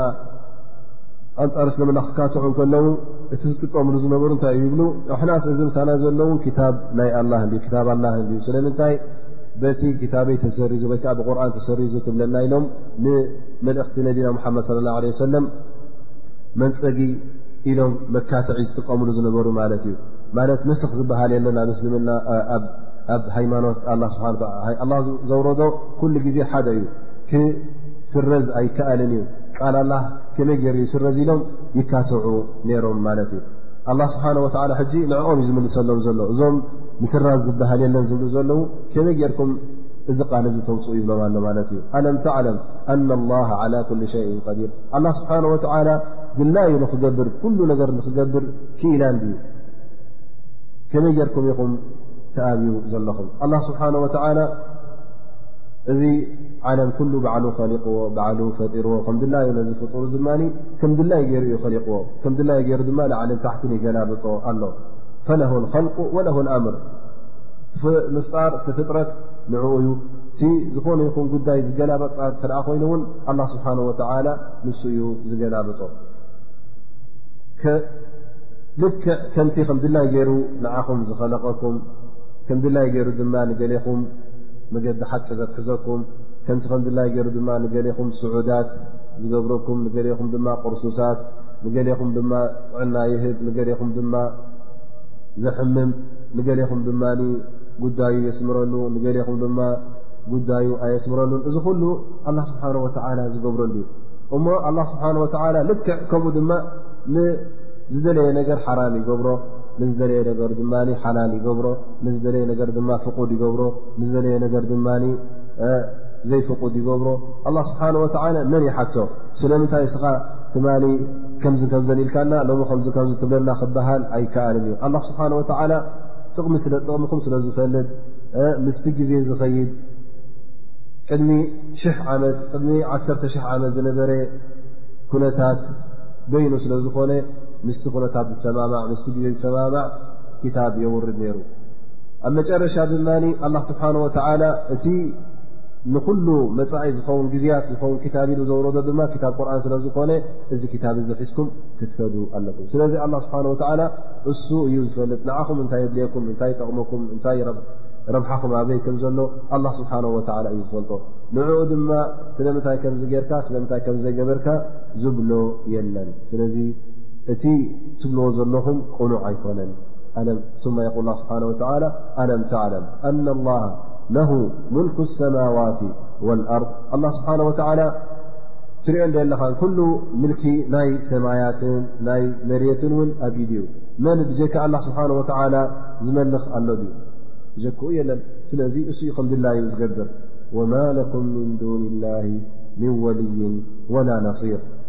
ብዘይካ ኣላ ስብሓን ወተዓላ እውን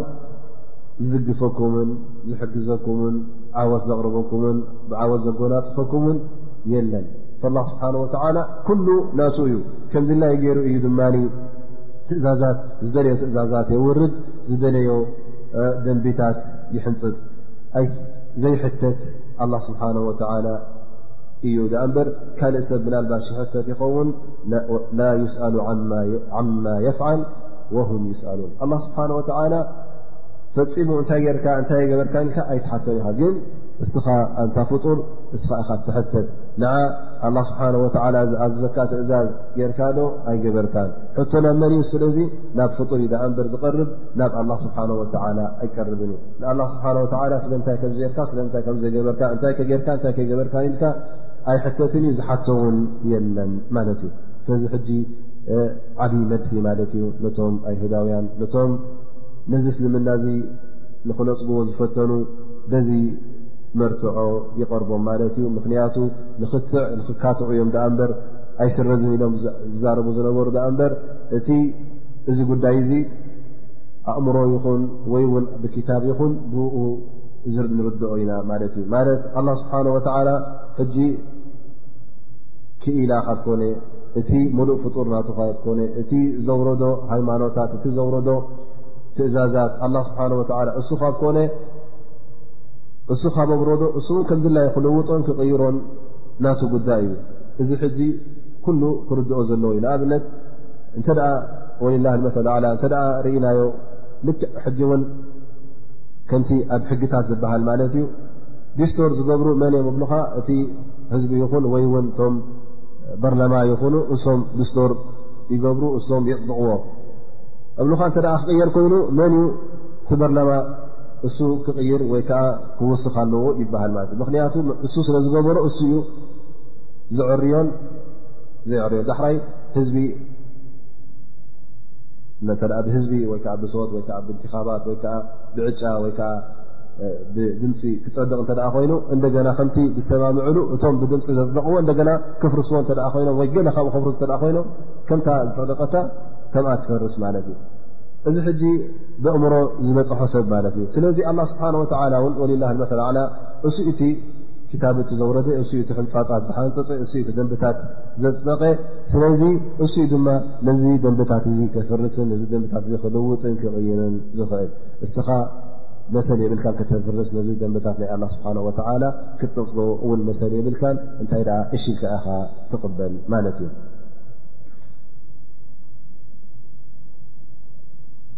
ከምኡ እዚ ሕጂ ንብሎ ዘለና እውን በኒ እስራኤል ንማለቱ እዮም ዝዛረቡ ነይሮም ደኣ እምበር እንተ ኣብ ሓቂ ምስኦም ኣብ ክትዕ እተ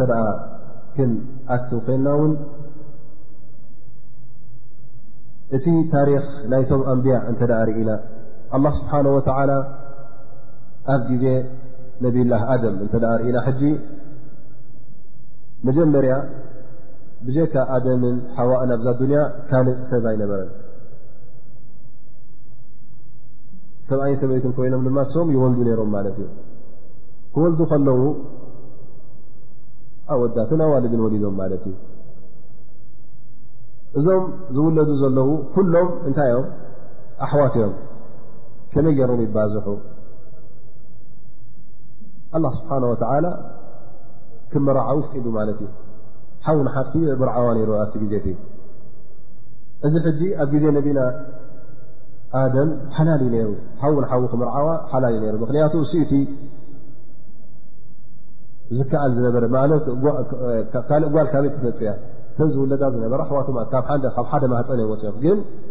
እቲ ሕውነት ሕጂ ጥራይ ኣብ ምንታይ ተዓጊቱ ነይሩ ይበሃል ክወልድ እከሎ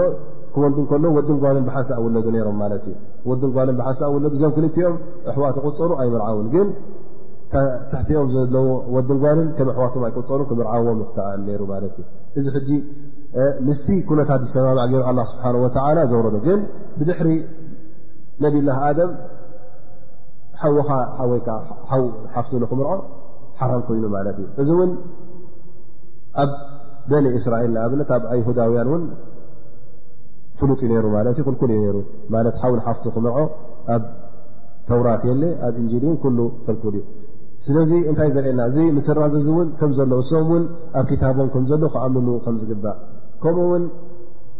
ነብላ ኖሕ ለ ሰላም ን ድሕርቲ ማይ ኣይሂ ምውራዶ ወይከዓ እቲ ሰብ ኩሉ ምስ ጠለቀ ኣላ ስብሓን ወላ ነብላ ኖሕ ይብሉ ካብ ዝደለዮ ካብ ኩለን እንስሳታት ንክበልዕ ኣፍቂድሉ ማለት እዩ ብድሕሪኡ ግን ምክንያቱ ተን እንስሳት ውሕዳት ስለዝነበራ ተዝነበራ ውሕዳት ስለዝኾና እተ ፈሊሉ ምናልባሽ ውዳእት ናይ ክርከባ ማለት እዩ ስለዚ ኣላ ስብሓን ወላ ዝኾነት እንስሳ ንክበልዕ ኣፍቂድሉ ማለት እዩ ሓራማይ ነበረን ኣብቲ ግዜ እቲ ስለዚ እዚ ሕጂ ምስ ኩነታት ዝሰማዕ ስለ ዝኾነ ኣላ ስብሓን ወላ እዚ ደንቢ ገይሩ እዚ እውን በኒ እስራኤል ኣብቲ ክታቦም ዘሎ እዩ ዝኣምሉ እዮም ብድሕሪኡ ኣብ ክታቦም እንተዳእሪኦም እውን ኣብ ተውራት ዝመፀ እውን ኩለን እንስሳታት ንክበልዑ ኣይፍቀዶምን እዩ እንታይ ደኣ ዝበልዕዎን እንስሳታት ነረን ዘይበልዕዎን እንስሳታት ረ ሓላልን ሓራምን ተፈልዩሎም ማለት እዩ ከምኡ ውን እስራኤል ወይ ያቆብ ንገዛእ ርእሱ ኣብ ግዜኡ ክልተ ኣሕዋት ክትምርዖ ሓደ ሰብ የጅማዕ በይነ ኦክተይን ክል ኣሕዋት ብሓንሳእ ንክምርዓወን ፍቀድ ነሩ ማለት እዩ ክልተ ኣሕዋት ክትምርዓወን ሰበይትኻ ወ ኣንስትኻ ማለት ኣሕዋት ክኾና ከለዋ ሕጂ ኣብ እስልምና ይኹን ኣብ ገዛ ርሱ ኣብቲ ናይ ተውራት እውን ኩልኩል እዩ ግን ኣብ ግዜ ነብላ ያዕቁብ ፍቑድ እዩ ነይሩ እዚ ማለት እዩ ኣብቲ ክታቦም እውን ኣሎ ነብላ ያዕቁብ ክልተ ኣሕዋት ከም ተመርዓወ እዚ እውን ነብላ ያዕቁብ ሓራም ገይሩ ማለት ኣይኮነን እንታይ ደኣ ኣብቲ ግዜ እቲ ሓላል ነይሩ እቲ በኒ እስራኤል ዝብልዎ ዘለዉ ኣላ ዝበሎ ቃል ኣላ ስብሓን ወላ ወይ ከዓ ኣላ ዘውረዶ ደንቢ ኣይስረዝን እዩ ዝበልዎ ሓቂ ኣይኮነን እንታይ ደኣ ከም መካትዒ እዮም ወሲዶሞ ነቲ እስልምና ንክነፅግሉ ዳኣ እምበር ናይ ብሓቂ እዚ ነገር እዚ ኣሎ ማለት ኣይኮነን እንታይ ኣብቲ ክታቦም ንገዛእ ርእሶ ክትሪኦ ከለኻ እቲ ታሪክ ባዕሎም ዝኣምንሉ ካብ ነብላ ኣደም ተፃሒፉ ዘሎ ታሪክ ወይ ከዓ ትንተና ናይ ነብላ ኣደም ቅሳናት ክመፅእ ከሎ ናይ ኩሎም ኣንብያ በኒ እስራኤል ክትሪኦ ከለኻ ኩሉ እቲ ዝነበረ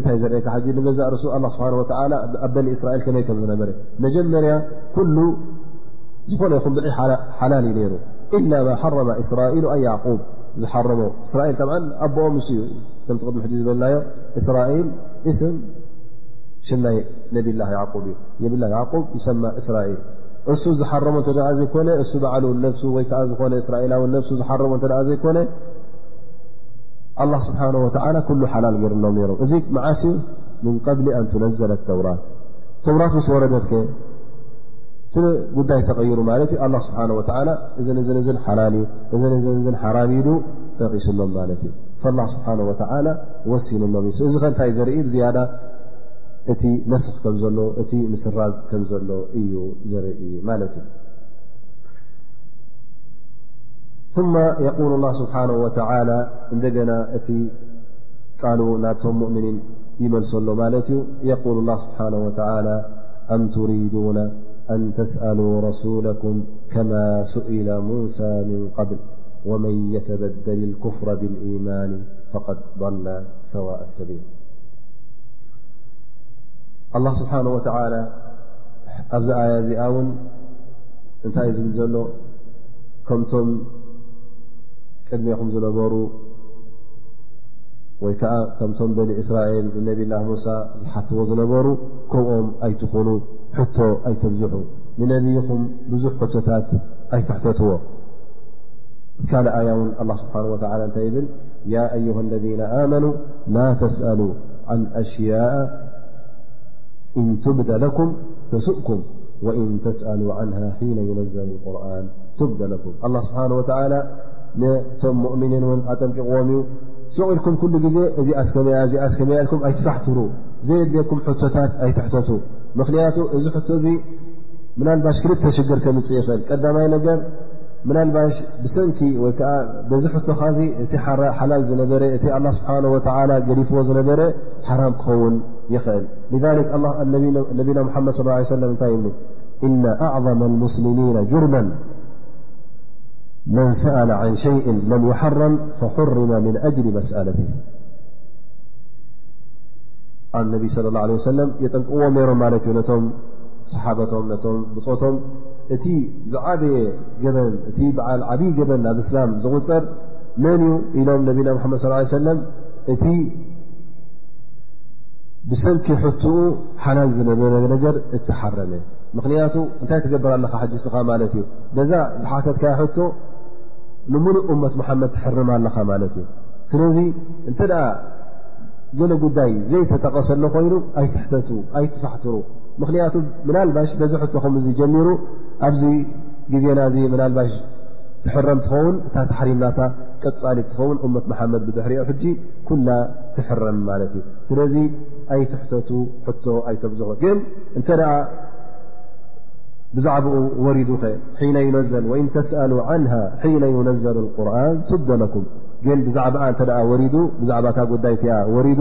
ኣብ ቁርን ምናልባሽ ትሓትት ከመይ ኣኢልካ ክትንትና እተ ደሊኻ እዛ ጉዳይ እዚኣ ከመይ ኣኢልካ ሽርሓለይ ተንትነደ ኢሎም ንክሓቱ እዚ ፍቑድ እዩ ግን ዘይተጠቕሰ ነገር ዘየሎ ነገር እሞ ባዕልኻ ከምዚ ከምዘ እንተኾነ ኢልካ ክትሓትት ኣብ ግዜ ነቢና ሓመድ ስ ሰለም ነቶም ብፆቶም ብጣዕሚ የጠንቅቕዎም እዮም ነይሮም እዚ እውን ካልኣይ እታ ዝበልናይ ሓንቲ ጠንቂ ምናልባሽ ኣብ ሓራም ክብፅሕ ካልኣይ ድማ እንተ ሕቶታት በዚሑ ወይ ከዓ ክትሓትት ኣብዚሕካ እውን ምናልባሽ ገለገለ ሕቶታት ፍልጠት ደሊካ ኣይኮነን ዝኸውን እንታይ ደኣ ከምቲ በኒ እስራኤል ዝሓትዎ ዝነበረ ተዓኑት ማለት ናይ ነቕፅነት ሕቶ ማለት እዩ እንታይ ምልስ ይኸውን ኢልካ እንተመለሰ እውን ዘይትቕበሎ እንታይ ደኣ ከምዚ ሓደሓደ ግዜ ከም ትብሎ ክትሓትት ከለኻ ኣብ እሕራጅ ከውድቆ ኢልካ ሕቶ ዝሕተት እዚኣ ስፈልጣ ዶ ኾን ኸውን ኣይፈልጣ ዶ ኾን ኸውን ምናልባሽ ኣይፈልጣ ንኸውን እሞኒ ኣብ ቅድሚ ሰብ ኣይፈልጣ የ ክብል እሞኒ ጃሂል ክኸውን ኢልካ ትሓትት ማለት እዩ ናይ ተዓኑት ክኸውን ከሎ ምናልባሽ ኣብዚ እውን ከውድቕ ስለ ዝኽእል ብዙሕ ሕቶታት ኣይትሕተቱ ኢሉ ኣላ ስብሓን ወተላ ይል ኣም ትሪዱን ኣን ተስኣሉ ኣይ በል ትሪዱን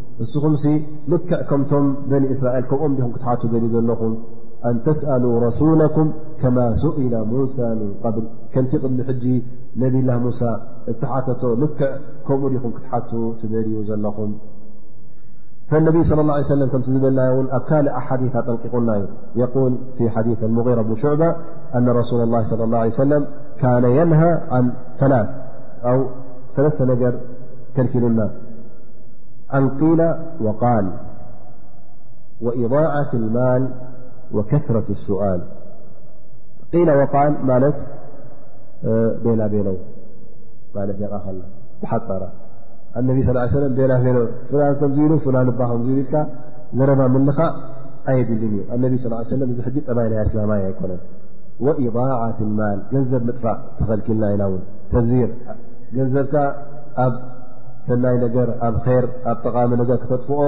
እዚ ኣብ ሸርዒ እስልምና ዘሎ ዩ ግን ኣብ ዘይከውን ነገር ኣብ ቁማር ኣብ ዝያዳ ዘየድሊ ነገር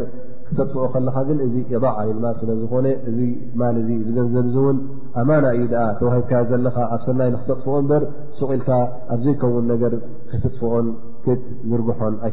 ኣይኮንካ ተዋሂብካዮ ዘለኻ ስብሓ ወላ እዚ ሽሻይ ዝርዝቂ እዚ ፅባሕ ንግሆ ክሓተካ እዩ ኣብ ዮም ቅያማ ውን ካብተን ቀንዲ ሕቶታት እትሕተተን ዓን ማሊ ፊማ ኣንፈቀ ኣው ምን ኣይነ ከሰበ ፊማ ኣንፈ ካብ የምፅእካዮን ኣብ ምንታይ ኣጥፍእካዮን ዝብል ሕቶ ስለ ዘሎ እዚ እውን ተጠንቀቕ ወከትረት ስል ስል ወይ ከዓ ሕቶታት ውን ከተብዝሕ የብልካን ካብዚ እውን ተኸልኪልና ኢና ይብሉ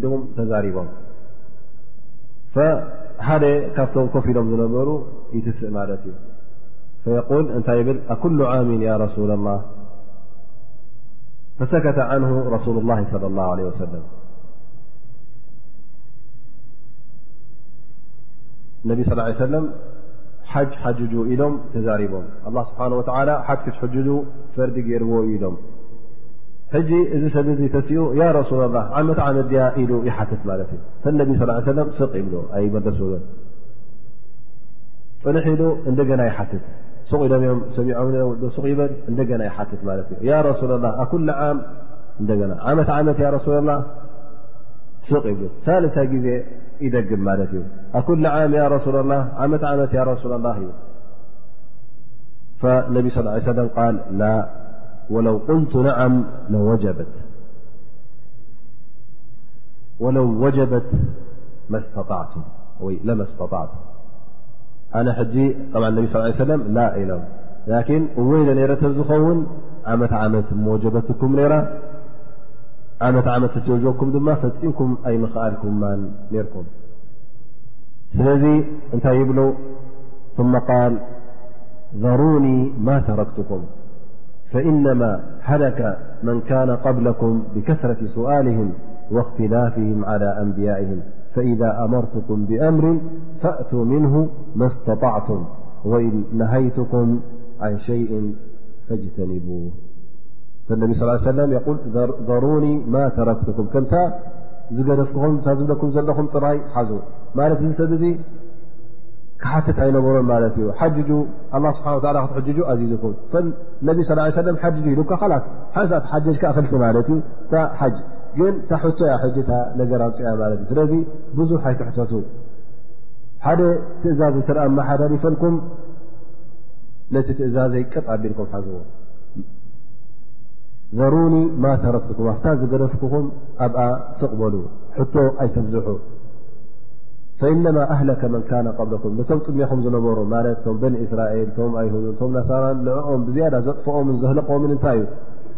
ሕቶ ምብዛሕ እዚኣ ከመይ እያ እዚኣ ከተኾነትከ እዚኣ እንተኾነትከ ከምዚ ኣባ ከምዚ ኣባ ንክብሉ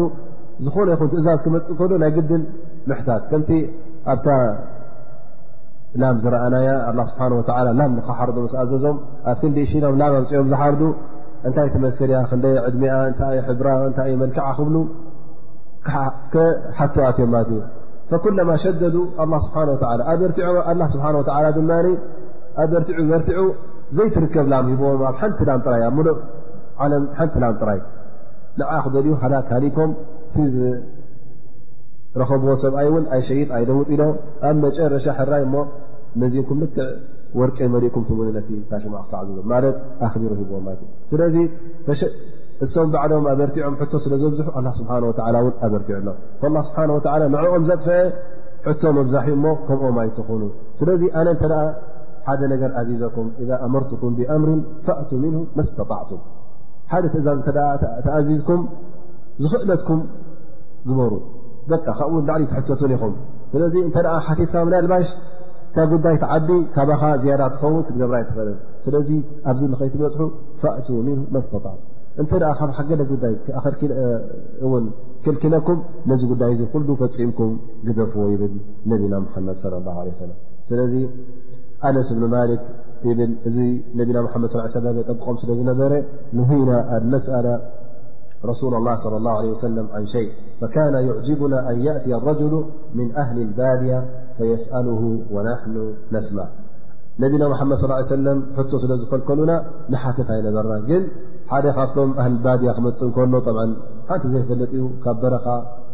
ክመፅእ እንከሎ መፂኡ ነቢና ሓመድ ስ ሰለም ክሓትት እንከሎ ሽዑ ክንሰምዕ ደስ ዝብለና ነይሩ ይብሉ ምክንያቱ እሱ ሕጂ ሓንቲ ዕልሚ ወይ ሓንቲ ፍልጠት ስለ ዘይብሉ ክሓትት እዩ ናይ ግድን ከምዚ ከም ዝኾነ ከ ረሱላ ኢ ክሓትት እዩ እሱ ድማ ሕቶናቱ ኩሉ ግዜ ናይ ገፊ ስለ ዝኾነ ነቢና ሓመድ ስ ሰለም ውን ናይ ፍልጠት ጉድለት ስለ ዘለዎ ዕልሚ ስለ ዘይብሉ ፈልጥዎ ስለ ዝኾኑ ኣይንህርዎን እዮም ምክንያቱ እዚ ሰብ እዚ ካብ ባድያ ካብ ሃገረሰብ ይመፅ ዘሎ ቅድሚ ሕጂ መጅልስ ናይ ዕልሚ መጅልስ ናይ ፍልጠት ስለ ዘይቀረበ ክሓትት እንከሎ ሕጂ ንሕና ደስ ይብለና ነይሩ ንሰምዕ ይብሉ እቲ ሕቶታት ህብ ዝብስና ዝነበረ እሱ እውን ይሓተልና ስለ ዝነበረ እቲ ካብ በዱ ዝመፅእ ሰብ ናቱ ንሰምዕ ነርና ይብል ኣነስ እብኒ ማለ ላ ስብሓን ወተላ ኣብዛ ኣያ እዚኣ ኣም ትሪዱና ኣን ተስኣሉ ረሱለኩም ከማ ስኢላ ሙሳ ምን ቐብል ሙሳ ከ እንታይ እዩ ተሓቲቱ ነይሩ እንታይ ሓቲቶሞ ነይሮም በን እስራኤል መን ዝክር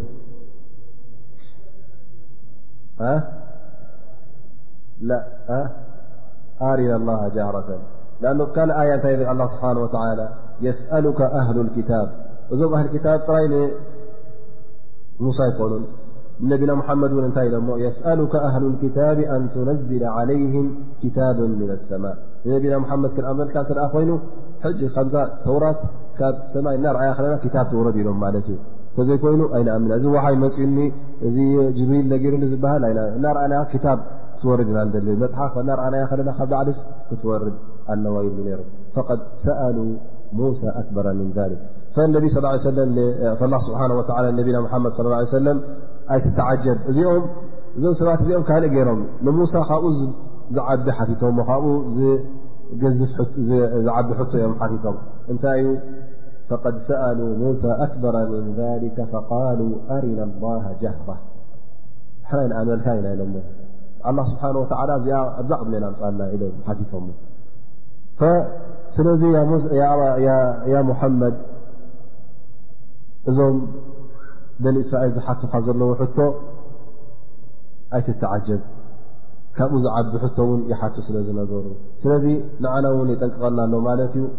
ልክዕ ከምቶም በኒ እስራኤል ዝሓትዎ ነበሩ ክትሓቱ ናብኡ ኢኹም ትቀራርቡ ዘለኹም ሞኒ ተጠንቀቑ ምኽንያቱ እዚ ሕቶ እዚ ናይ ምንታይ ሕቶ ማለት እዩ ናይ ምንፃግ ሕቶ ማለት ናይ ተዓኑት ናይ ግትዕ ገታር ዝኾነ ሕቶ እምነት ደሊኻ ወይ ከዓ ፍልጠት ደሊኻ ይኮንካ ትሓትት ዘለኻ እንታይ ደኣ ነቲ ዲን ንኸትነፅግ ነቲ ትእዛዝ ንኸትነፅግ ማለት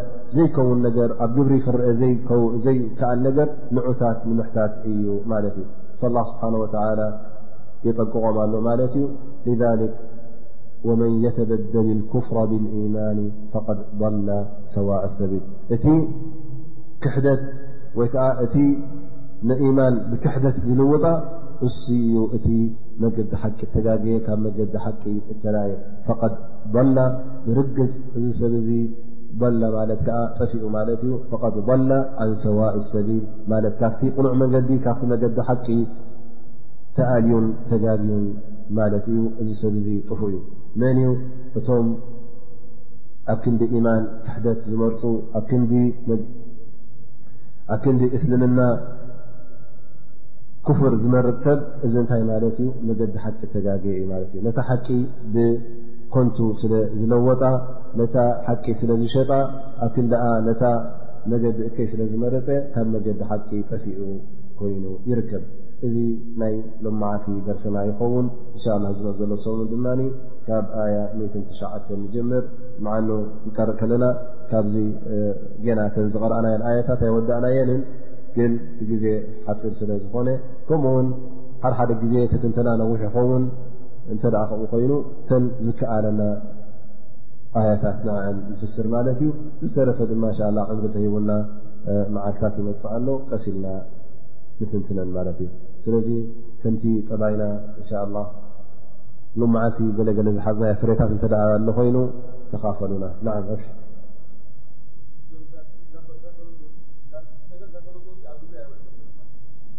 ኣይዋ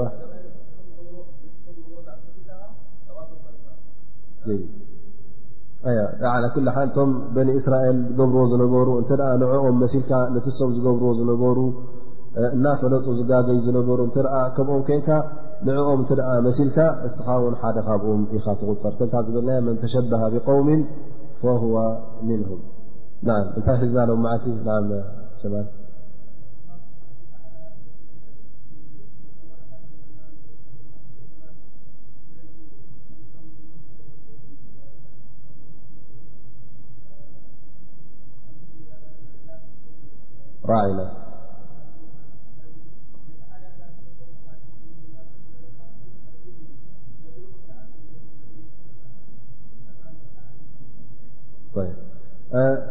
ከምኡ ውን ቶም ኣህሊ ኢማን ክጥቀቁ ከም ዘለዎም ካብቲ መገዲ ናይቶም የሁድ ወነሳራ ቶም ኣህል ክታብ እሶም በቲ ዝዛረቦ ዝነበሩ ወይከዓ በቲ ዘውፅዎ ዝነበሩ ቃላት ነቲ ዲንን ነቲ ነቢ መሓመድ ለ ላ ለ ወሰለም ምነኣስን ንዕኡ ምፅራህን ስለ ዝነበረ እስኹም ውን እንተ ንነቢኹም መሓመድ ስ ሰለም ክትዛረቡ ኮንኩም ንኡ ክትፅውዑ እተ ኮንኩም ብካልእ ሸነኽ ወይከዓ በቲ ቅኑዕ ኣገባብ ጌርኩም በቲ ኣላ ስብሓን ወላ ዝሃበኩም ቃል ጌርኩም ተዛረብዎን ፀውዕዎን እቲ ዝሃበኩም ቃል እውን ስምዑን ኣብ ግብሪ ኣውዕሉን ሰሚዕና ዋጣዕና ክትብሉ ድኣ እምበር ከምኦም ሰሚዕና ወዓሰይና ክትብሉስ የብልኩምን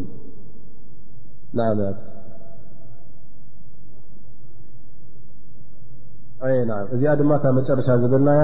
ሕቶታት ኣይተብዝሑ እዚኣ ውን ካብቲ ኣላ ስብሓን ወተላ ዝኣዘዛ ማለት እዩ ወዲ ሰብ ብዙሕ ሕቶ ክሓትት የብሉን ሕቶ ከብዝሕ የብሉን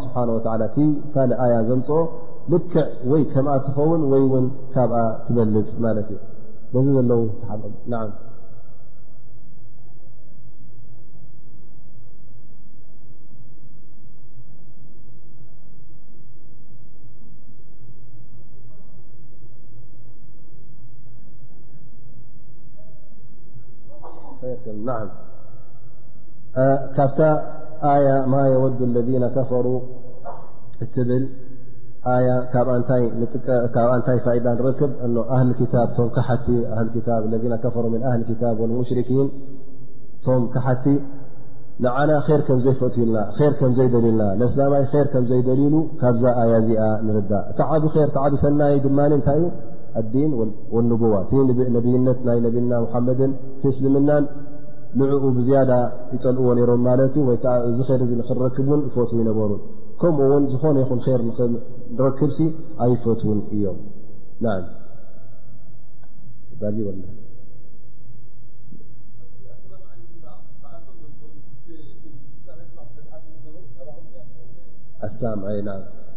ካብቲ በኒ እስራኤል ነቲ ከሊማት ነቲ ቃላት ዝጠዋይዎ ዝነበሩ ኣብ ክንዲ ኣሰላሙ ዓለይኩም ዝብዎ ዝነበሩ ኣሳም ዓለይኩም ይብሉ ስለ ዝነበሩ ኣብቲ ሸሪዓና እውን ነዞም ሰባት እዚኦም